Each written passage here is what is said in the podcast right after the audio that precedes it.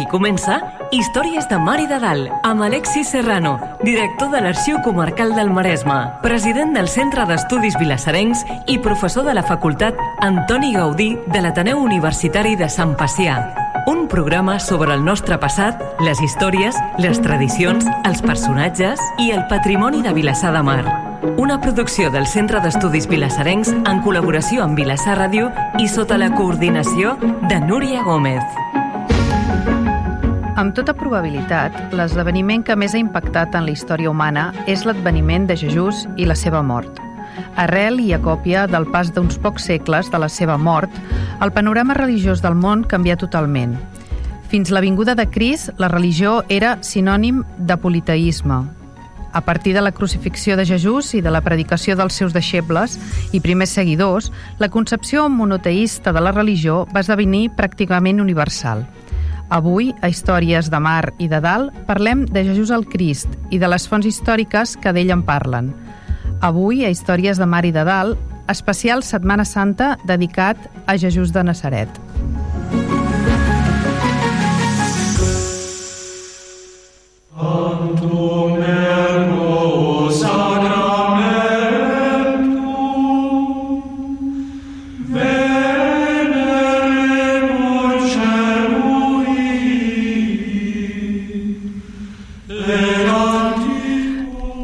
Benvinguts.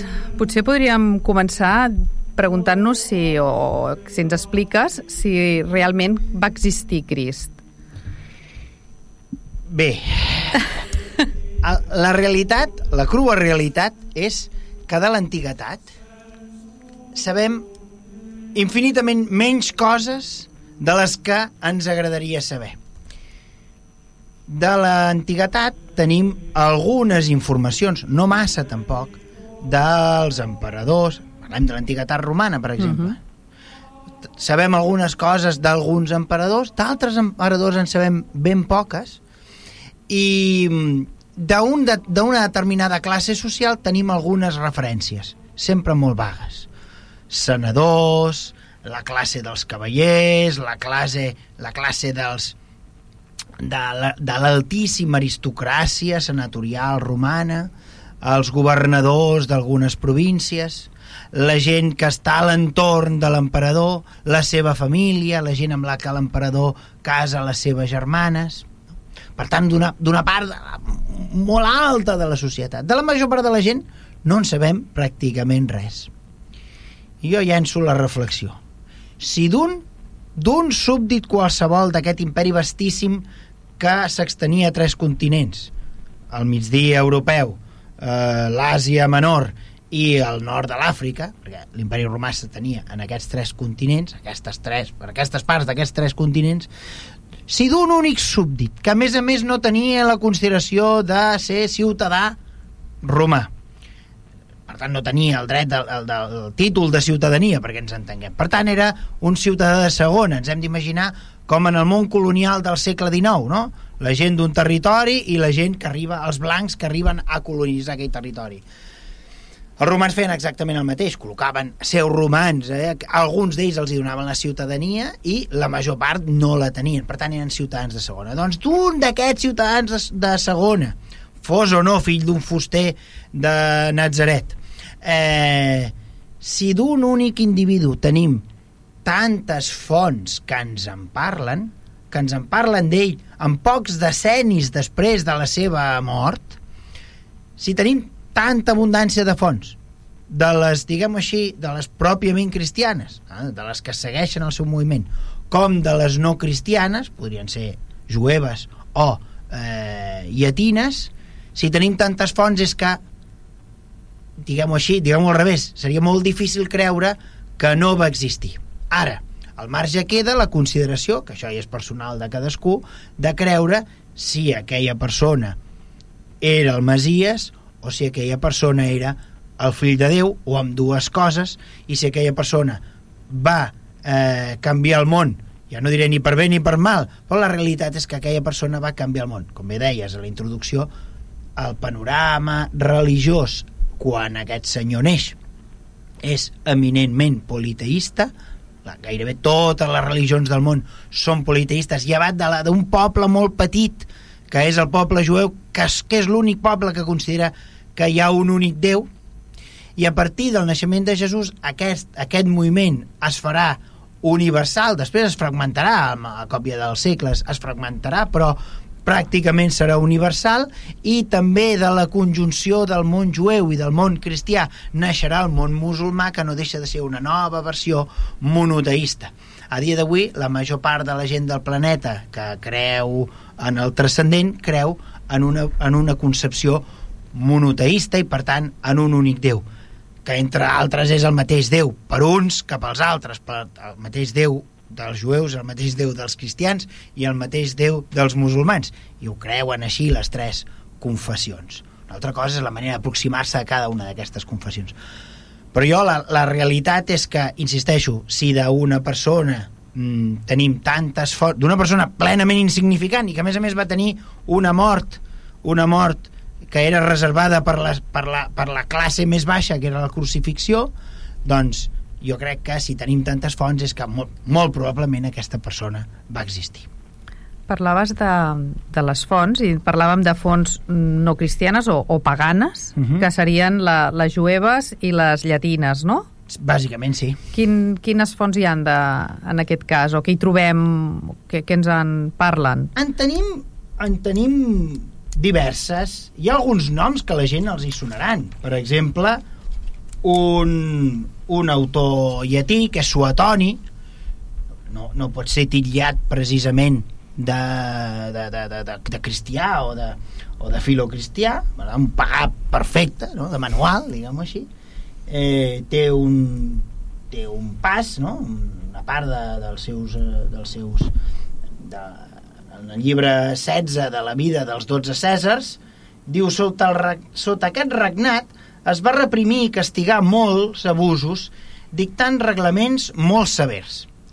Neró va infligir suplicis als cristians, un tipus d'homes d'una superstició nova i maligna. Per tant, trobem la primera referència als seguidors de Crist en temps de Neró, en, en temps de de l'incendi de Roma, perquè uh -huh. eh, mhm. de tots ens arribi la, la pel·lícula, no? Eh, ens vingui les sí. imatges de Neró tocant l'arpa, cremant Roma, i ell acusarà els cristians que... Per què acusa els cristians? Perquè inicialment són pocs i són de tercera, de tercera categoria, o de quarta o de mm. cinquena, i són tan pocs i tan insignificants que és fàcil acusar-los acusar amb ells. Per què els acusarà? Eh, per què Neró acusa els cristians? Doncs primer perquè són un blanc fàcil i segon per acallar les veus que deien que, critica, que, deien que, era, que era Neró el que havia promogut aquest incendi.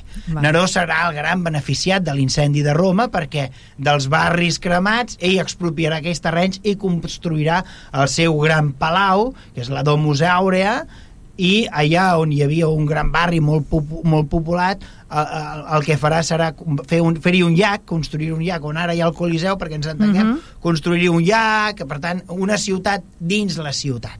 I es farà aquell gran palau. Com que la gent acusarà Neró d'haver-se beneficiat de l'incendi de Roma, ell, doncs, mm, una mica per defensar-se, castigarà, perseguirà els cristians els acusant-los d'haver cremat això. En aquest sentit, també un altre historiador que és Tàcit, afirma poc o molt el mateix i dona alguns detallets més. Diu, per, per acabar amb els rumors, els rumors que mm. acusaven a Neró d'haver cremat Roma, diu, Neró va, pres va presentar com culpables i va sotmetre els turments més rebuscats als qui el populatxo anomenava cristians, fars de les seves ignomínies. Crest, encara no sabien que era Crist, eh? Crest, d'on es va originar el seu nom, va ser executat durant el regnat de Tiberi a mans d'un dels nostres procuradors, Pons Pilat. Això ho diu Tàcit a un llibre que es titula Els Anals, al capítol 15, concretament a, a, a, a l'apartat 44. Per tant, Tàcit ens està dient que aquest Crest, que nosaltres creiem que és Crist, eh, que fou torturat sota Pons Pilat, per tant aquí tenim una dada mm. que ens sona, i això ens ho dona Tàcit. Per tant, Tàcit és un historiador, no, tampoc, tampoc un, un historiador pagà, per tant, no, no una font que semblar filocristiana, diguem-ho uh -huh. Mhm. així. Però bé, encara en aquesta línia associem eh, els primers cristians la persecució eh, per al fet de l'incendi de Roma. Encara n'hi ha un altre, Plini el Jove. Plini el Jove eh, escriu una, una carta a l'emperador Trajà i, i aquest el, li respondrà. I li demana si, eh, si és oportú o no eh, perseguir amb molta violència els cristians i, i la resposta que li donarà que li donarà Trajà és eh, que, que no, no cal desencadenar una cacera de bruixes contra els cristians, però que se'ls ha de tenir sota control. Eh, D'alguna manera se'ls ha de tenir fitxats, aquests cristians. Tot apunta tot apunta que la persecució dels cristians no es produïa pel fet, és a dir, no era un delicte ser cristià. Però en l'àmbit dels romans, que eren politeistes, que creien els déus que li semblava, ser cristià no era un delicte, no, no estava tipificat com a tal. El que sí que és veritat és que el- els cristians es negaven a dues coses que eren bàsiques. Una, reconèixer la divinitat de l'emperador, Val. i això per als romans era important i per tant les persones que no sacrificaven ocells i animals a la figura de l'emperador eren gent sospitosa i segona que els primers cristians es negaven a fer el servei el servei militar Eh, Val. per tant, els ciutadans romans, és a dir, no els ciutadans de segona, com era Crist, sinó els ciutadans de primera, que eren ciutadans romans, eh, quan eren cridats a, la, a les armes, s'hi negaven, mm, això és el que no agradava als, als romans. I per tant la manera, la manera que tenien per demostrar que no eren cristians era fer un sacrifici. Quan es negaven a fer aquest sacrifici als déus llatins o, o grecs, doncs llavors el, les, empe- els emperadors se la, se la prenien contra aquests primers cristians. Tenim Clar. altres fonts, eh, per això que en parlen. O sigui, ja eh, no volien fer el servei militar perquè... Per- eh, per, una Per concepció consciència. per una, exacte, era una objecció de consciència de fet els cristians tindran problemes per participar de les legions imperials fins que arribi Constantí en el moment que arribi Constantí i la religió del cristiana sigui la religió oficial de l'Estat Mm. ja, que, ja els pares de l'Església ja justificaran el fet de que si l'emperador és cristià anar a servir els exèrcits de l'emperador és una bona cosa i per tant matar i morir per l'emperador pot ser una bona cosa. Val. Hi ha tota una teorització, però fins que no arribi Constantí hi ha molt de camí per fer i per tant, mentre que no arribi Constantí tindrem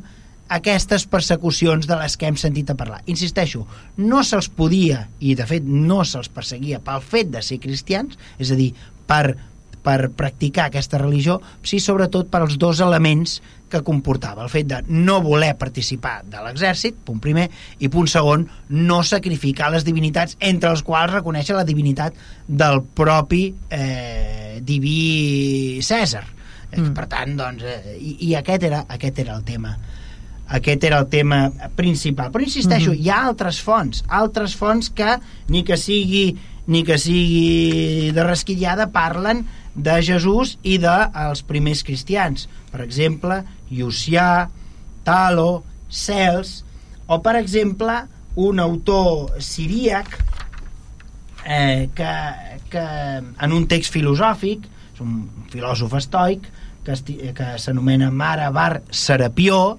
eh, parla de, per primer cop de per primer, cop diguem així, en literatura no cristiana de la cru- crucifixió de Crist. Val. Per tant, si tenim en els primers decennis del segle I totes aquestes fonts que ens, primer i, i principis del segle II que ens parlen de Jesús, està clar que molt difícil és pensar que no va existir.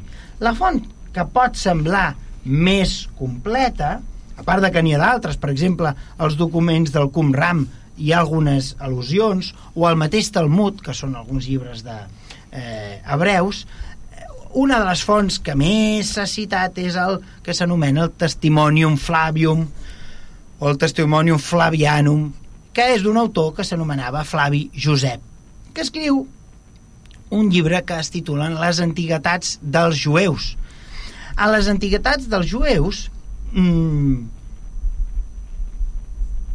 apareix, en, em sembla, en dues ocasions eh, anomenat Jesús.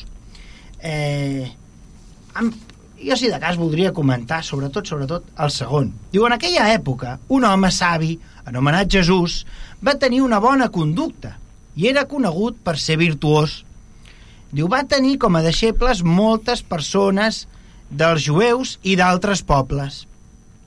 Pilat, eh, tornem a ser, Pilat el va condemnar a ser crucificat i morir. Però els qui s'havien fet deixebles seus no van abandonar el seu mestratge i van continuar eh, van continuar eh, va, i, van, i van contar que se'ls va aparèixer eh, tres dies després de la, de la seva crucifixió. I estava viu. I per això podia ser el Messies de qui els profetes havien dit coses meravelloses. I en un altre, i en un altre passatge diu, essent d'aquesta manera en Nas eh, un dels sums sacerdots del mm. Sanedrí va considerar que era un bon moment quan Fest va morir i el vi encara estava de viatge va convocar una assemblea de jutges i va fer compareixer Jaume, germà de Jesús, anomenat Crist. I alguns altres hi va presentar contra ells l'acusació de ser transgressors de la llei i els va condemnar a lapidar-los. Per tant, veiem que hi ha Jaume, que és germà de Jesús. Una cosa interessant és que Jesús que això a vegades no... Jesús té germans. És que anava a dir-te, no és fill únic?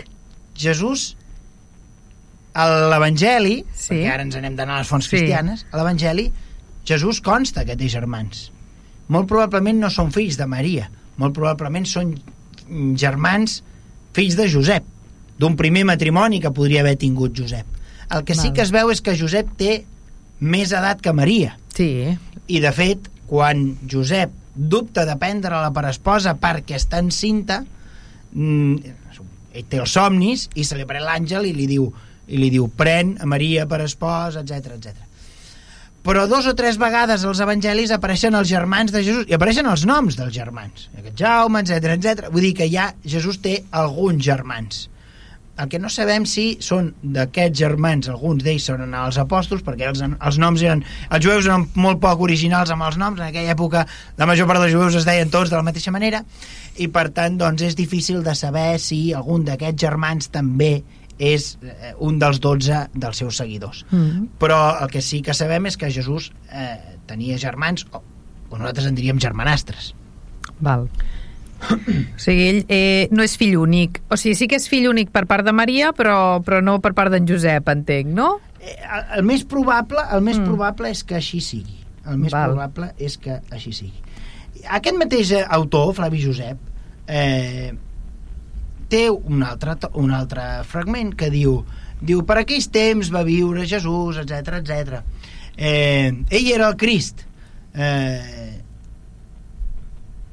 molt probablement, molt probablement, perquè ha estat molt discutida aquesta, aquest, aquest text, un text jueu, fruit d'una cultura jueva, d'un home, d'un autor jueu, practicant jueu, sí, adreçat a un públic llatí, perquè s'està explicant la història dels jueus a un públic llatí, però la realitat és que es parla de Jesús d'una manera una mica militant, diguem-ho així, d'una manera defensant la figura cristiana de Jesús. La realitat és que l'any 71 va aparèixer un manuscrit Mm. que, que és aquest llibre, eh, les, les antiguitats, les anti... hem de pensar que els llibres a l'època es transmetien copiant-se un Sí, de l'altre, sí, sí, a sí. això és, Sí. és inevitable. A l'any 71 va aparèixer, 1971, va aparèixer un, una versió d'aquest llibre en un àmbit, diguem-ho així, allunyat, al Pròxim Orient, on no hi, ha, no hi havia aquesta afirmació, aquesta rotunditat de que era Jesús, el Crist, que havia ressuscitat els tercer dia, és a dir, una mica més estret. Parlava de Jesús, feia menció a Jesús, a la seva predicació, etc, però no amb, amb aquesta càrrega, eh? ell era el Crist, etc etc. El que els historiadors van haver de donar una explicació. El més probable és que nosaltres les versions que ens havien arribat de les antiguitats hebrees de Flavi Josep, Mm. com que ens venen per la tradició nostra cristiana de monjos i monjos que segles rere segles el que estan fent és copiar els documents, està clar que si a un monjo li cau un, un, aquest llibre per primer cop i veu, en aquells temps va viure Jesús, doncs ell fa ell era el Crist que va Clar. ressuscitar el ter... amb tota la bona fe, no és que, no és que volgueren alterar, No. però està clar que per un, per un, per un Cristià, una, no? una societat cristiana, Mm. doncs eh, està clar que si tu veus que va viure Jesús, que era un home que predicava una... doncs està clar que l'altre li vingués de dir ell era Crist. Clar, és, és normal. I, i aquest és el, aquest, i això ens, a nosaltres ens, ens porta a haver de posar en quarantena moltes de les fonts que tenim. Perquè si aquestes fonts ens han arribat transcrites, segle rere segle, per gent que ha tingut aquesta interpretació i ha anat afegint, posant, traient... Eh, està clar que moltes vegades se'ns fa difícil veure fins a quin punt, fins a quin punt que hi ha de real. Però la realitat és que la suma o la gran quantitat de fonts que ens en parlen, doncs fan que, al meu entendre, sigui difícil de creure que Jesús no va existir. Al marge, insisteixo, les consideracions de que si, si uns creuen que era el Masies i altres creuen que era el fill de Déu o altres creuen que eren amb dues eh, coses. Uh -huh. Però el que sí que està clar és que tenim eh, aquesta, aquesta gran quantitat de fonts, diguem-ho així, en l'àmbit o jueu o o pagà, diguem-ho així, en l'àmbit en l'àmbit eh, eh, llatí, bàsicament. Sí. I a partir d'això tenim les fonts cristianes, que jo crec que valdria per fer un altre, un altre bloc.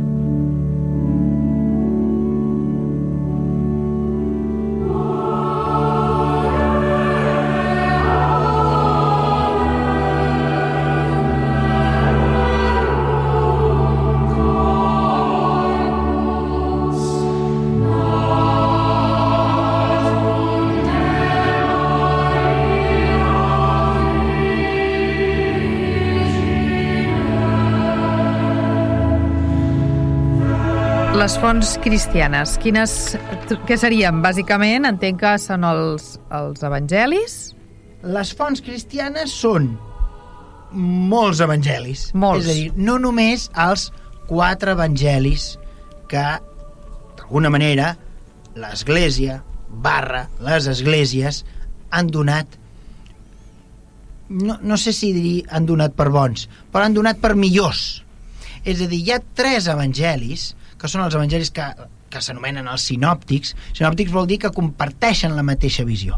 I aquests evangelis tot apunta que emanen d'una versió anterior, que és el que els, els entesos anomenen la font Q, una font primera que pel que sigui no se'ns ha conservat. D'aquest- D'aquesta primera font Q vindrien aquests tres evangelis que són els sinòptics. Mentre que tenim un altre, que és l'Evangeli de Joan, que està una mica, una mica al marge d'aquests altres tres. És a dir, anem a posar un exemple. Eh, hi ha un fet que apareix en, en un evangeli i en els altres, i en els altres no. Per exemple, la resurrecció de Llàtzer. Eh, què fa que en una versió hi hagi aquest fenomen important, ressuscitar una persona, i en una altra versió no hi sigui? Doncs fa que els evangelis no són documents històrics, són documents religiosos que s'han escrit a posteriori. Segurament s'escriuen cap allà als 60, 70 després, després de la mort de Crist.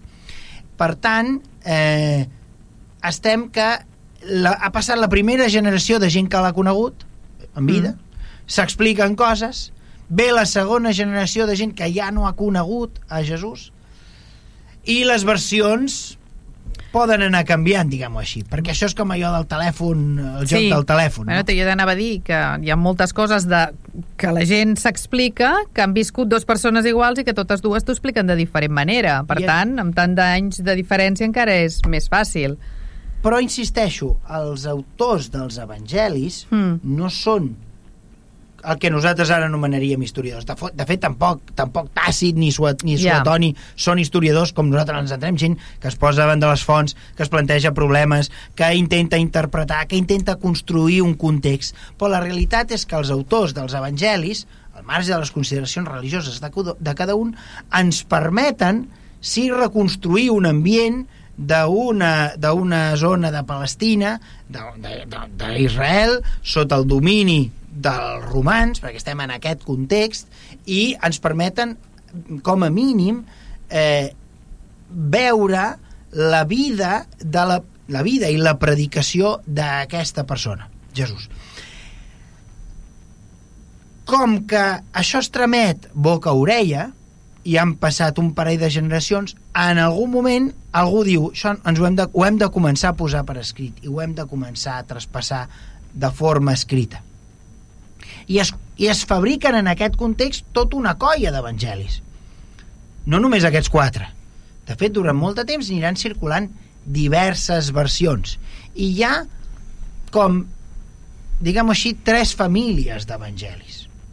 Hi ha uns evangelis que ens plantegen un Jesús molt hebreu, molt jueu, són fonts molt hebraiques, que Jesús és un, és un rabí jueu mm, de manual, un, un gran predicador, però un rabí jueu, per tant són, són uns evangelis mm, molt hebraics. Després tenim unes altres versions eh, que són més eh, gnòstiques, els gnòstics són una, una branca, una secta del cristianisme que, eh, bueno, del cristianisme, de l'hebraïsme, que va viure també en aquests, en aquests primers sec, segle I, segle II, que consideraven que a la salvació s'arribava pel coneixement. I aquí hi ha una mica de filosofia i una mica de religió. Els gnòstics, de fet, ve de eh, gnoscere, que vol dir conèixer.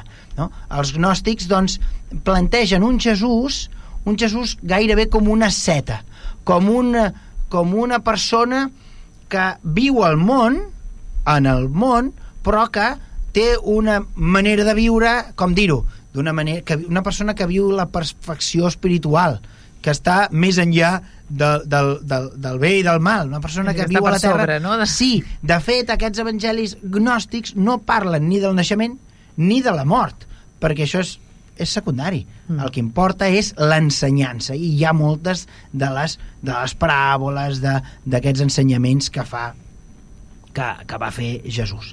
Per tant, tenim aquestes, per una banda tenim els evangelis que ens els presenten com una figura molt jueva, plenament jueva, uns altres que ens fan un plantejament més gnòstic i després una tercera branca, que diríem així, que són els, els evangelis eh, diguem-ho així, que, que convergeixen més, que són els quatre canònics, els quatre que tenim al Nou Testament, però que també podríem fer paquet amb alguns del que, dels que anomenem apòcrifs, que són altres evangelis que són escrits per altra gent, que no són Mateu, Marc, Lluc i Joan, que són els quatre canònics.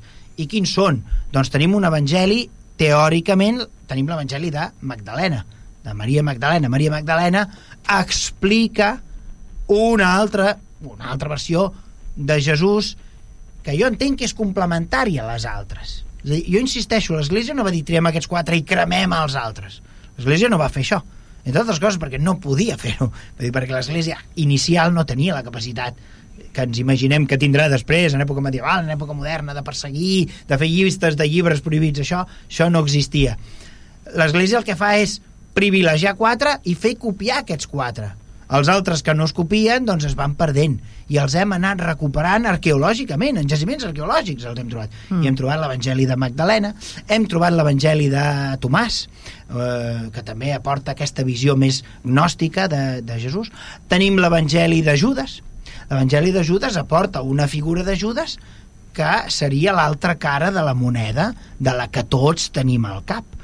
Perquè Judes, i d'alguna manera és el que, el que ha escrit eh, el papa Ratzinger, Benet, tre, Benet, Benet XIII, eh,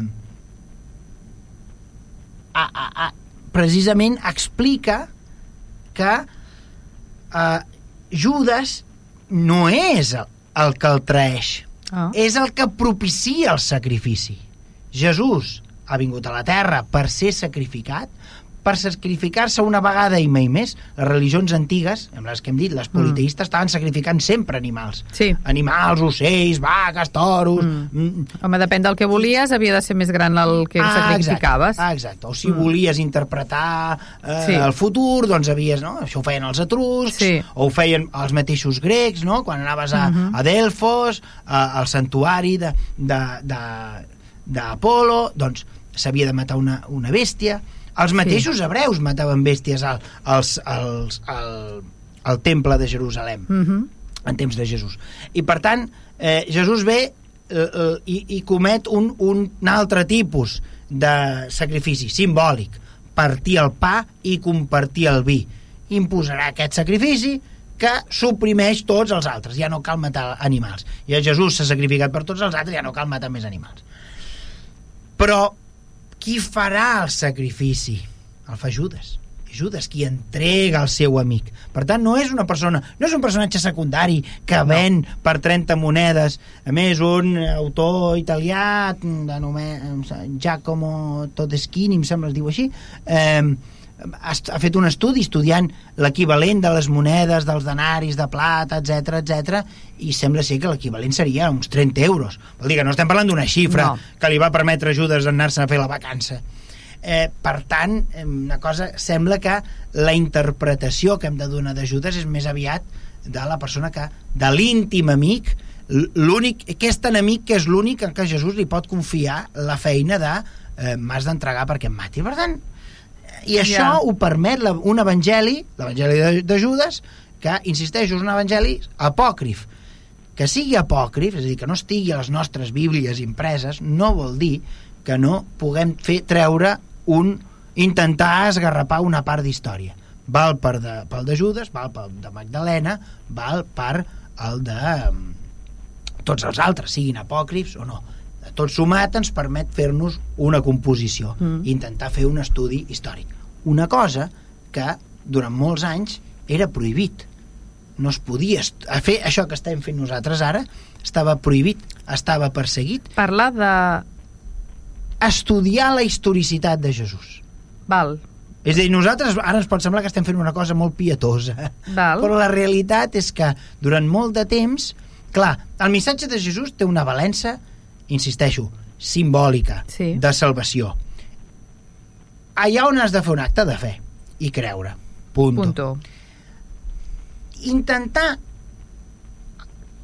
veure què hi ha d'històric, de real, de tangible i sobretot posar totes les fonts a dialogar entre elles, durant molt de temps això va ser considerat, mmm, diguem així, no massa aconsellable. De fet, eh, al segle XIX i gairebé fins a, fins a meitat del segle XX, fins al Concili Vaticà II, a totes les universitats eh, catòliques s'iniciava el curs fent un jurament, se'n deia el jurament antimodernista.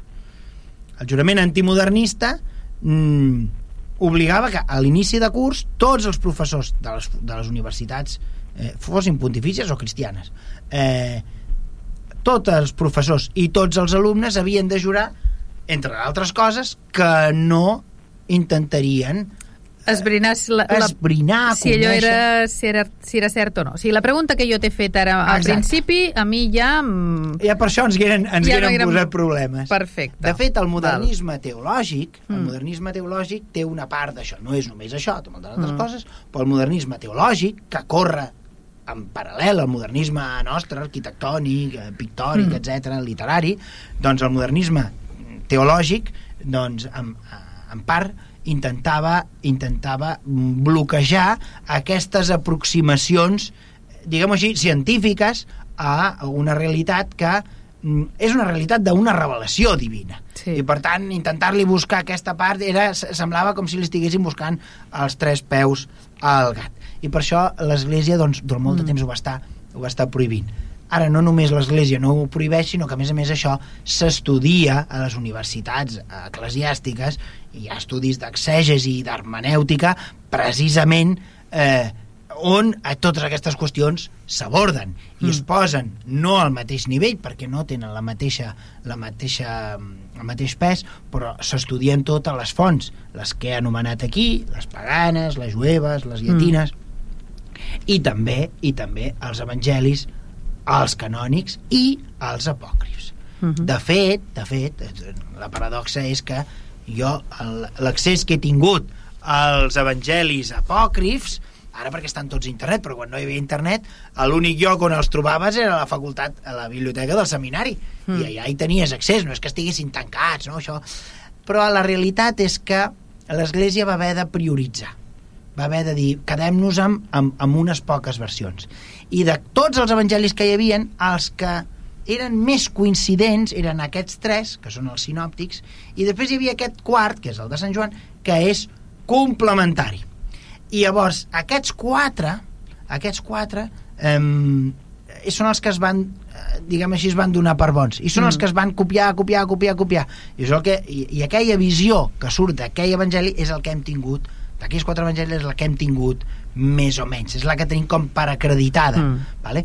però insisteixo, mai l'Església va dir tots aquests altres evangelis no serveixen, el que passa que van caure en l'oblit i els hem anat recuperant una a la volta no perquè estiguessin proscrits ni amagats, ni perseguits ni portats al foc de fet, quan l'Església decideix aquests quatre evangelis ho fa, ho fa aquests quatre evangelis mm, ho fa en plena persecució Val. en plena persecució dels cristians, és a dir, no, l'Església no és una institució no és, no és una institució no és una institució mm, vinculada al poder, sinó mm. que és, és, són, estan sent perseguits i un bisbe d'aquesta església perseguida, Sant Irineu, proposarà que siguin quatre els evangelis. Perquè quan ell se n'adona que quan els jutges romans estan interrogant a la gent per saber en què creuen, mm. eh, molts d'aquests primers cristians tenen una empanada perquè cadascú ha rebut eh, un evangeli, un altre, i uns diuen que Jesús feia això, altres diuen que Jesús feia allò, i Sant Irineu diu això... Ho hem d'endreçar, no? Ho hem d'endreçar una mica. Mm. I ell proposa, i l'argument és una mica... Pot semblar infantil, però Sant Irineu diu Quatre són els punts cardinals. Vale. Quatre són els elements de la Terra. Foc, val, eh, val. com és foc... Foc, aigua, aigua terra, terra, i aire. Vale. Mm. Diu, quatre són els, els, els... I llavors amb aquests quatre... En fem quatre. En fem quatre. I ja diu, triem-ne quatre. I, I diu, triem els tres que més s'assemblen, que són els sinòptics, i aquest quart que els complementa. Sempre l'Església, sempre l'Església, segles i segles d'estudis de teologia, ha, ha tingut clar que aquests evangelis a vegades entren en contradicció. A vegades un complementa l'altre, però a vegades no acaben d'encaixar ben bé del tot.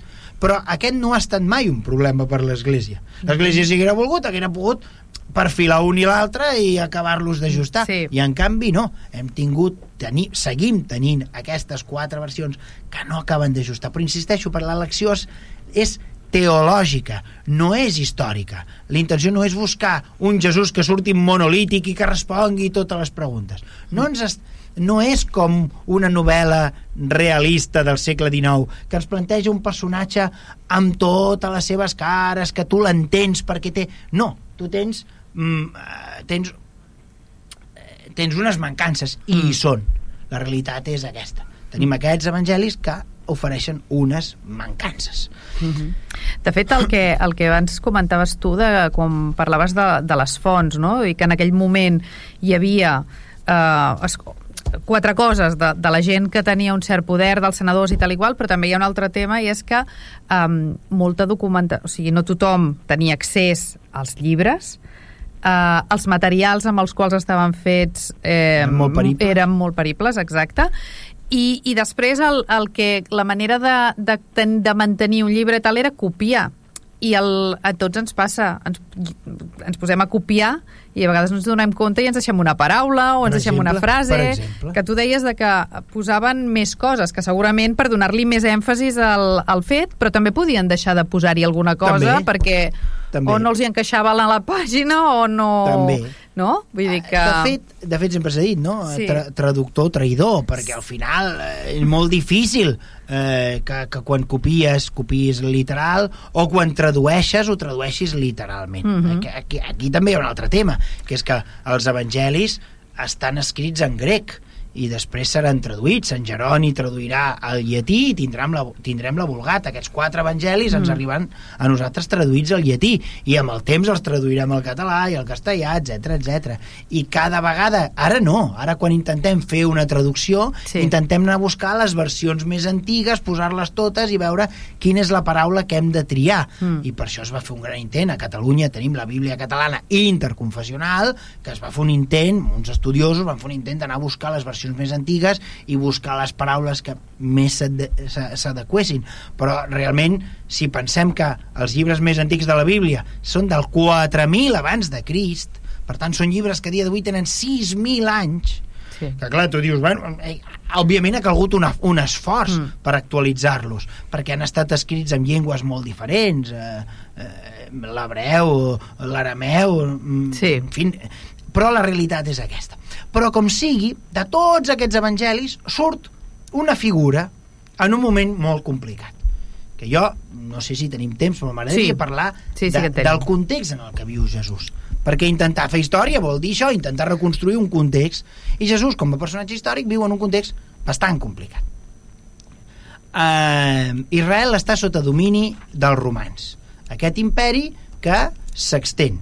Els imperis, la lògica dels imperis és créixer sempre, ampliar territori. Quan els imperis comencen a anar en regressió, eh, no només ho perceben els de dins, sinó que ho perceben sobretot els de fora, i comencen les agressions. En aquesta època l'imperi romà està en època, en fase, diguem així, d'expansió, i encara ho estarà des de, ho estarà des de l'època d'August, bueno, des de Cèsar, que no és un emperador, no, és el primer emperador, sinó que és... Bueno, eh, el primer emperador serà el seu nebot, Octavi August, però ho estarà gairebé fins l'època de Trajà és l'època de l'expansió. L'expansió es fa de moltes maneres. Es pot fer o bé com a la península ibèrica, la península ibèrica és un territori on no hi ha un poder centralitzat, no hi havia un rei de la Hispània ibèrica o de la Ibèria o de la... No, Mm. aquí hi havia doncs, uns senyors que estaven a Borriac, uns altres que estaven a un turó a la vora de Barcelona, uns altres que estaven... i s'havia d'anar conquerint un territori. Quan havies ocupat un territori se te'n sufocava un altre. Vas... Una part del món era així la, el món de les Gàlies, el, mo, el món del nord de l'Àfrica i el món de la península ibèrica era així, on els romans havien d'anar conquerint allò a, a trossets. Però en canvi hi ha territoris on hi ha una autoritat centralitzada, on hi ha un rei, on hi ha un poder centralitzat, com pot ser el regne d'Egipte o com pot ser el regne d'Israel. Aquests regnes són més fàcil que caiguin. La paradoxa és que un regne centralitzat, amb un exèrcit centralitzat, vas un dia, els hi fas una batalla, cauen i te l'ocupes. En canvi, a la península ibèrica no hi ha un exèrcit centralitzat, no hi ha una cort centralitzada, has d'anar ocupant cada territori. Quan ocupes un territori se, eh, i el tens sufocat, se te n'aixeca i se te'n subleva un altre de la rereguàrdia. Israel, com a regne, ha caigut feia relativament poc. En temps d'Herodes, hi ha Herodes, Herodes el que apareix a l'Evangeli com el de la matança dels infants. Sí.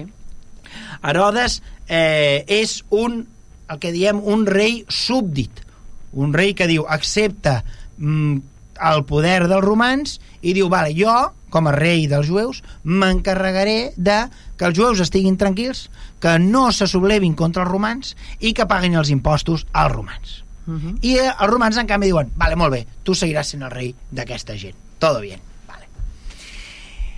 Uh, temps a venir hi haurà un altre Herodes, que serà el fill d'aquest, que serà el que regnarà en temps de Jesús, en temps de la crucifixió de Jesús.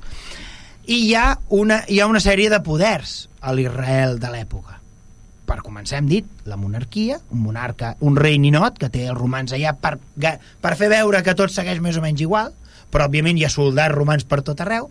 De fet, les jornades de la mort, o de la, diguem així, de la passió i la crucifixió i la mort i la resurrecció de Jesús són en plena Pasqua, tot el bon jueu ha de- ha d'anar al temple a sacrificar, és quan, en aquell moment que Jesús entrarà a Jerusalem, l'aclamaran amb les palmes perquè la seva la seva mm, fama eh, eh, és per tot el territori, per tant la gent l'aclama, la major part són pobres, eh, és l'entrada i és el que celebrem amb el diumenge Ah, de Rams, no? l'entrada de Jesús a Jerusalem.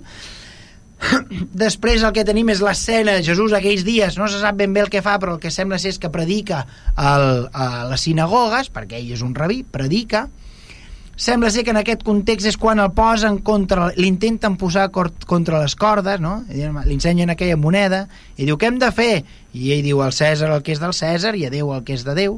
Però també és en aquell moment en què Jesús entra amb tota la fúria del món al temple i aixeca i diu això, heu convertit el temple, que és una casa pregària, en una cova de lladres, per què? Perquè allà, eh, allà ja ho hem dit, s'hi feien mm. aquests grans sacrificis, eh, els sacrificis per com els animals havien d'estar purificats, els animals els havies de comprar al temple, al temple no podies pagar amb moneda normal romana amb la cara de l'emperador perquè dins del temple no hi podien anar entrar figuracions humanes ni animals, per tant hi havia els canvistes que estaven canviant, eh, se sap que eh, hi havia molt de timador, etc etc i per això Jesús carrega contra i diu, diu no pots estimar dos déus, el teu déu és el diner. No? Diu això, això és el que farà aixecar l'autoritat de la regió, que és, són les autoritats del temple. No poden permetre que aquest senyor, que s'arroga una autoritat que qui, qui te la dona, tu, que ets un mort de gana, qui te la dona, aquesta autoritat. I serà per això que el processaran. Alerta perquè Jesús demanen processar-lo per, per blasfèmia, perquè li diuen, li diuen, tu dius que ets el fill de Déu. Diu, això és blasfèmia. Però el Sanedrí, que és el, el, els sacerdots, no?, i els mestres de la llei, no el poden, el poden processar el poden condemnar per, per blasfèmia, però no el poden ajusticiar. Val. Perquè les penes de mort les imposen els dominadors, que són els romans. Per això el fan anar a Pons Pilat.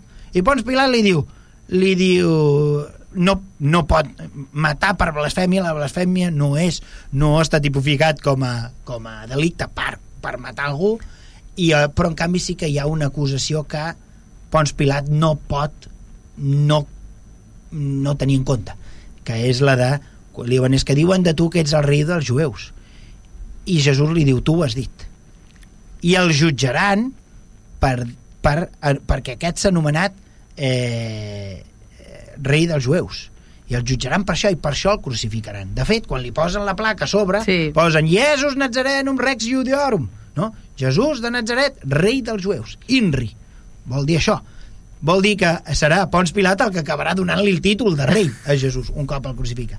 Alerta perquè és una mort, la mort de crucifixió és la mort per esclaus i per no ciutadans romans. Els ciutadans romans no se'ls pot crucificar. O sigui, la mort de, per crucifixió és els, els més baixos, el, el més baixos de nivell més baix. De fet, a Sant Pau, a Sant Pau mm. anys més tard, pocs anys més tard, quan, el, quan la presonen per predicar a Jerusalem i per una... La, la gent tem un altre cop una sublevació com la que s'havia passat els dies de Pasqua quan crucifiquen a Jesús, per evitar això, el que fan és el, eh, el que fan és el, eh, el, obliguen les autoritats romanes a que arrestin a Sant Pau però quan Sant Pau estan, el, eh, el comencen a, fut, a fuetejar Sant Pau diu, què és això de fuetejar un ciutadà romà?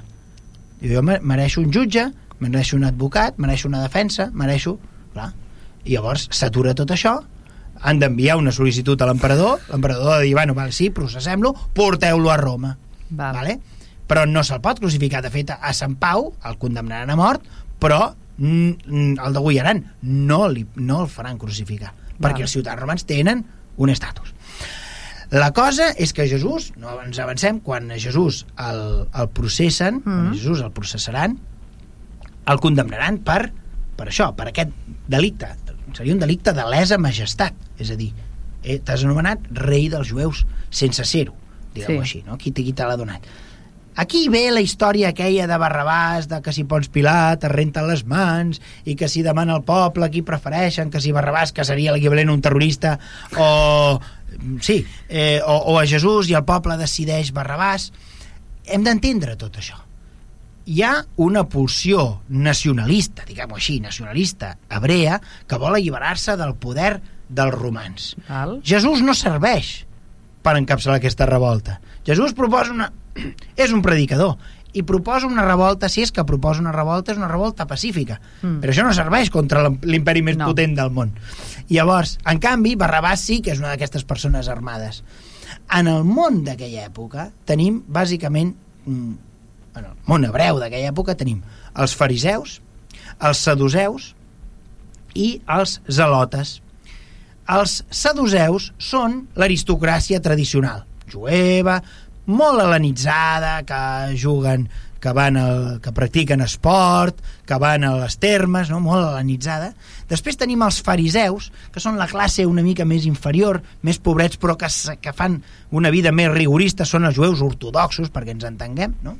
I per l'altre costat tenim els alotes. Els alotes són, d'entre aquests, tres, aquests tres grups, són els que defensen una lluita armada contra eh, l'imperi de fet, hi ha qui ha proposat que eh, Judas segurament eh, mm, Judas segurament el que pretenia el que pretenia era que Jesús encapçalés la revolta armada Val. I per això, a un cert moment, Jesús no serveix. No només no serveix, sinó que, a més a més, posa en perill la inestabilitat precària que hi ha en aquell context. Mm -hmm. I, I, de fet, Jesús, al final, l'administració romana farà el que fa mm, moltes vegades l'administració, és eh, eh, atacar el, problema, el problema dràsticament no sabem realment si es va produir aquella escena de qui voleu, a Jesús o a Barrabàs, i que la gent va cridar, perquè no va molt amb el dret romà. De fet, el dret romà intenta desaconsellar els jutges a que escoltin la veu de les masses. Però també és veritat que fins i tot un governador romà, que té un gran imperi de darrere, al territori s'ha de buscar un consens. I si és veritat que hi havia aquesta tradició de que per Pasqua s'indultés aguts, sí. etc, cosa que és, fer, pot ser que fos. Podria ser mm. perfectament probable, doncs per no enemistar-se més i per no tensar més la corda d'una societat que està molt tensada, de fet el que sí que sabem és que estava Pons Pilat a Jerusalem, a la ciutat de Jerusalem, precisament perquè per controlar l'arribada de jueus, de tants jueus, per la celebració de la Pasqua. És dir, aquell no era el lloc per viure de, del governador de la plaça, però en canvi el tenim allà perquè, perquè són uns dies molt delicats.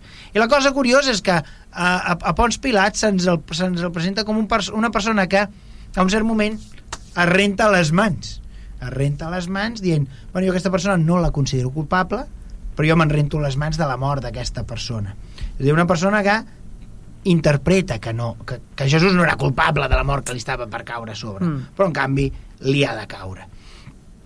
Pons Pilat és una persona que està documentada epigràficament hem comentat algunes fonts que parlaven sí. de Pons Pilat i a més a més hem trobat inscripcions eh, eh, eh, epigràfiques que eh, ens el presenten a Pons Pilat per tant no és un personatge inventat per tant d'aquest tenim una, una, una altra font, en aquest cas física, material, eh, que es pot tocar, i que, i que aquesta no ha estat adulterada per un monjo mil anys després. No? Eh? Vols a Pons Pilat, vol dir que aquest personatge sí que va existir a partir d'aquí, clar, Pons Pilat és un personatge de gran, de gran, eh, de, de, de gran sí. novel·la, no? com, com el, el, el mestre i Margarita, no? de, de Bulgakov, per exemple, o de Jorge Lu, Luis Borges, no? que també sí. abunda sobre la idea de, de Pons Pilat. És un personatge ideal, perquè a partir d'aquí pots, pots, és a dir, si pues hagueres trobat... Pots crear totes les històries que vulguis, les que no? vulguis, no? 20 anys després et trobes a Pons Pilat i li preguntes. I hi ha autors que s'han preguntat. Si trobes a Pons Pilat al cap de 20 anys i li preguntes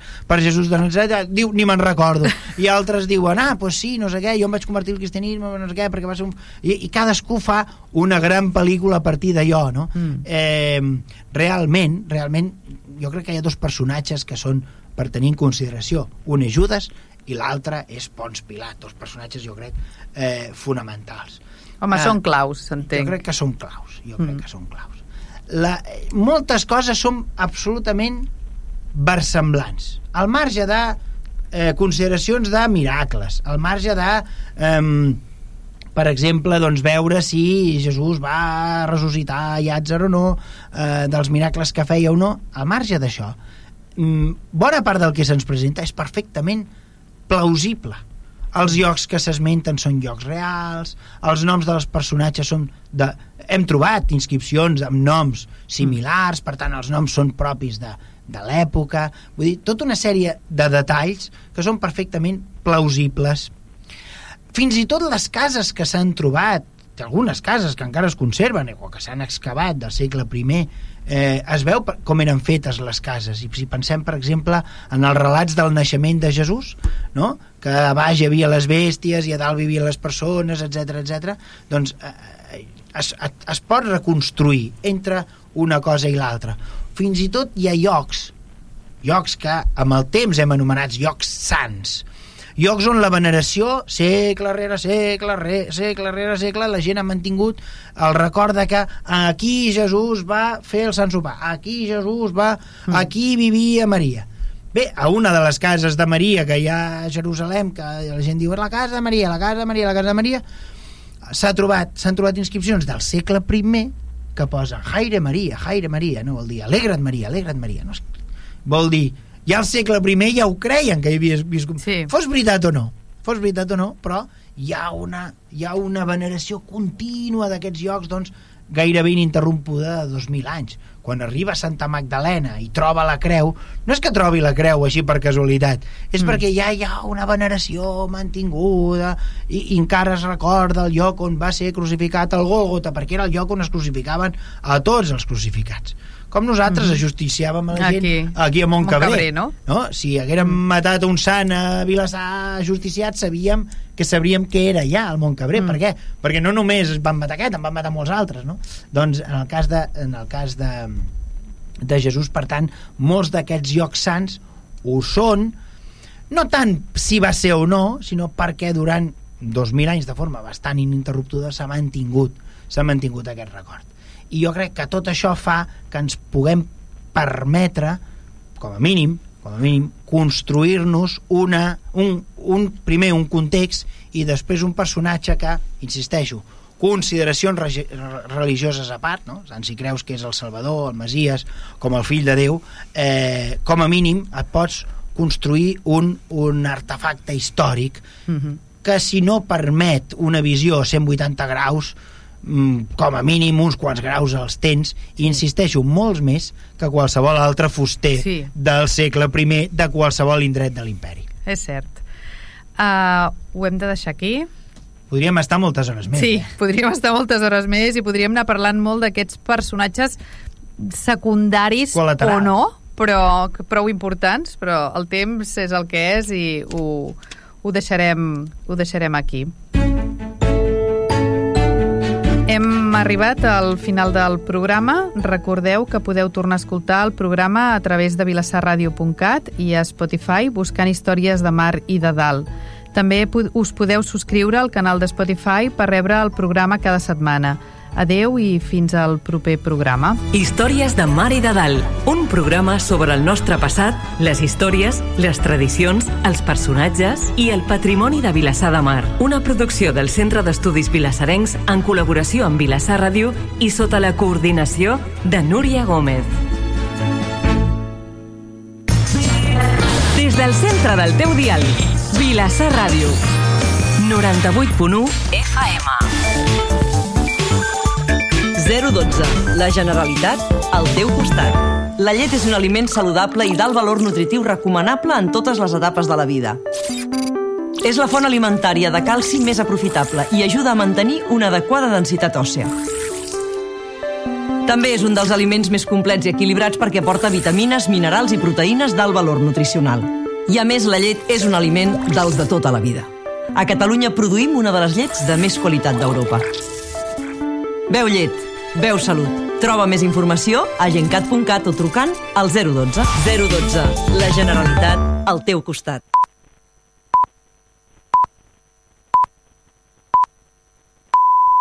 Vilassar Ràdio són les 10 de la nit.